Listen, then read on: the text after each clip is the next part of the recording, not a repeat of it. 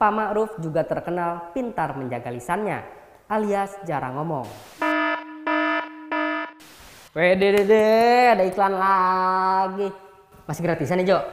Bayar lah, masa gratisan dulu? Emang kita ya rasa. Bisa aja dong ngomongnya.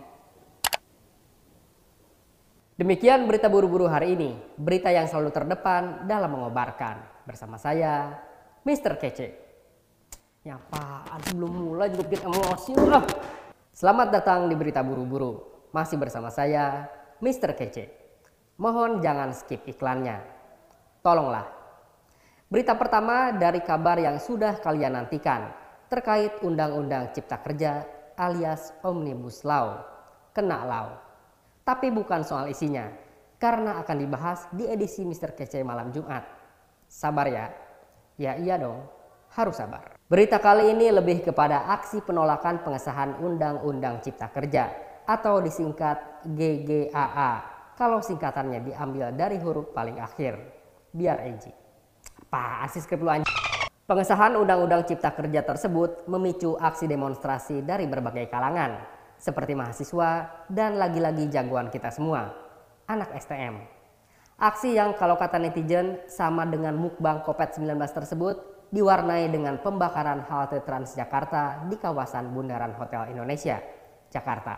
Atas aksi pembakaran tersebut, netizen seakan terbelah dua. Ada yang keki, ada juga yang memaklumi. Bagi yang keki, mereka tidak terima jika penyampaian aspirasi harus merusak fasilitas umum. Bagi yang memaklumi mengatakan penyampaian aspirasi secara damai kadang sudah tidak efektif, sehingga perlu aksi lebih. Walhasil, fokus netizen jadi bergeser. Yang tadinya bersatu tolak undang-undang cipta kerja, malah jadi terbelah dua.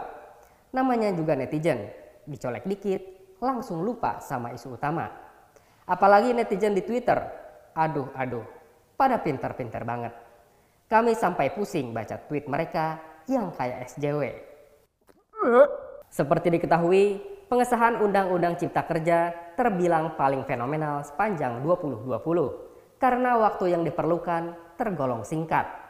Pembahasan di tingkat panitia kerja hingga paripurna hanya memakan waktu 27 hari, dihitung termasuk Sabtu dan Minggu.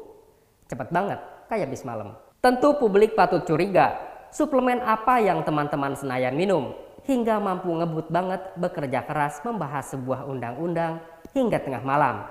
Apakah kuku ekstra hemafil atau pen? Setelah DPR 46 alias mantap mengesahkan, wakil rakyat kita langsung mengumumkan memasuki masa reses. Tahu nggak reses itu apa? Itu loh yang manis temannya roti. Eh, itu meses. Aduh, tidak lucu. Maaf, Jayus. Reses adalah masa di mana anggota DPR kembali ke dapilnya masing-masing untuk mendengarkan aspirasi warganya. Ah, masa. Sehingga pasca Undang-Undang Cipta Kerja disahkan, para anggota DPR mayoritas tidak berada di ibu kota. Tentunya bukan untuk menghindari para pendemo. Fix, sudah pasti. Tak diragukan lagi. Pengumuman reses ini disampaikan langsung oleh Ketua DPR yang juga ahli dalam mengatur tata suara di sidang paripurna, Puan Maharani. Di tengah kecurigaan Undang-Undang Cipta Kerja membawa dampak buruk bagi kepastian pekerja, Ketua Panitia Kerja RUU Cipta Kerja Supratman Andi Atgas menampiknya. Ia mengklaim undang-undang tersebut justru meningkatkan perlindungan kepada pekerja. Apa iya? Temukan jawabannya di Mr. Kece malam Jumat. Promo terus? Ya dong, demi AdSense. Eh, demi kalian. Kita beralih ke berita selanjutnya. Pemerintah belum membayar atau dalam kata halusnya menunggak honor panitia pelaksana di lapangan pada ajang Asian Games 2018. Kami ulangi, Asian Games, ajang internasional 2018. 25 bulan sejak pesta olahraga se-Asia. Adapun nominal yang ditunggak pemerintah senilai total 12,4 miliar rupiah. Jumlah yang sangat banyak kalau dibelikan nasi bungkus dengan lauk untuk jebret karot tempe orek. Pihak yang merasa belum dibayar menuntut ke Inasgok selaku panitia pelaksana. Sayangnya, Inasgok sudah dibubarkan. Sehingga pengalihan tanggung jawab pembayaran honor ada di tangan Kementerian Pemuda dan Olahraga. Kok bisa sudah bubar tapi belum bayar hak orang? Menurut pengakuan mantan PLT Sekjen Inasgok alias Panitia Pelaksana Asian Games 2018, Hari Warga Negara, pengaduan kepada Menpora sudah dilakukan tidak sekali dua kali. Ada apa ke Menpora? Ada apa? Apakah harus mendapat sorotan media dulu baru tunggakan itu dibayarkan? Sekretaris Kemenpora yang tentu kita sudah hafal karena tidak diganti-ganti, Gatot S. Dewa Broto memberi penjelasan atas tunggakan pembayaran tersebut. Menurut Gatot, memang terjadi penundaan. Alasannya adalah prosedur teknis pencairan. Salah satunya karena ketidaklengkapan dokumen. Namun Gatot menegaskan kekurangan itu bukanlah tanggung jawab Kemenpora. Bola kembali dioper ke panitia Inasko. Kita jadi males mau bela siapa? karena kedua belah pihak sama-sama lempar bodi. Kita beralih ke berita ketiga. Pak D menunjuk RI2 Pak Ma'ruf sebagai Ketua Dewan Pengarah Tim Koordinasi Terpadu Percepatan Pembangunan Kesejahteraan di Provinsi Papua dan Papua Barat. Cocok.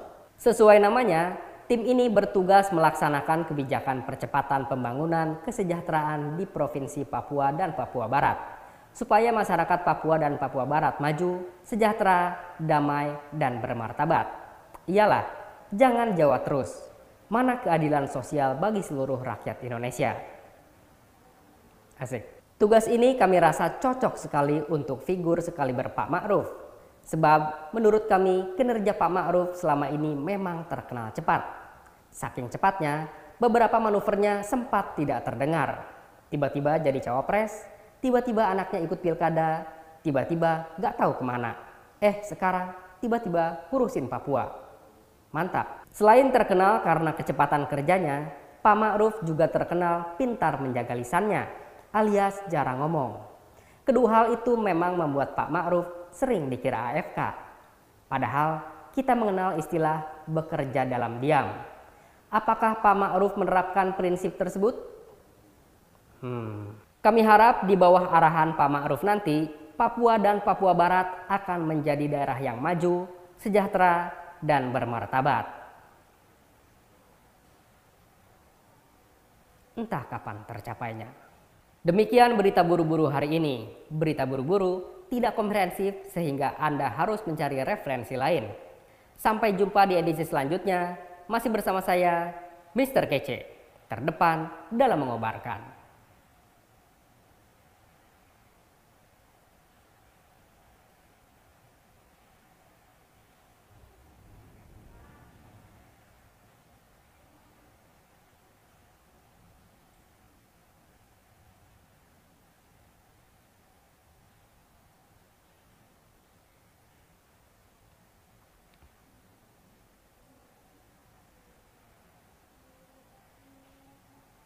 Udah kali ya?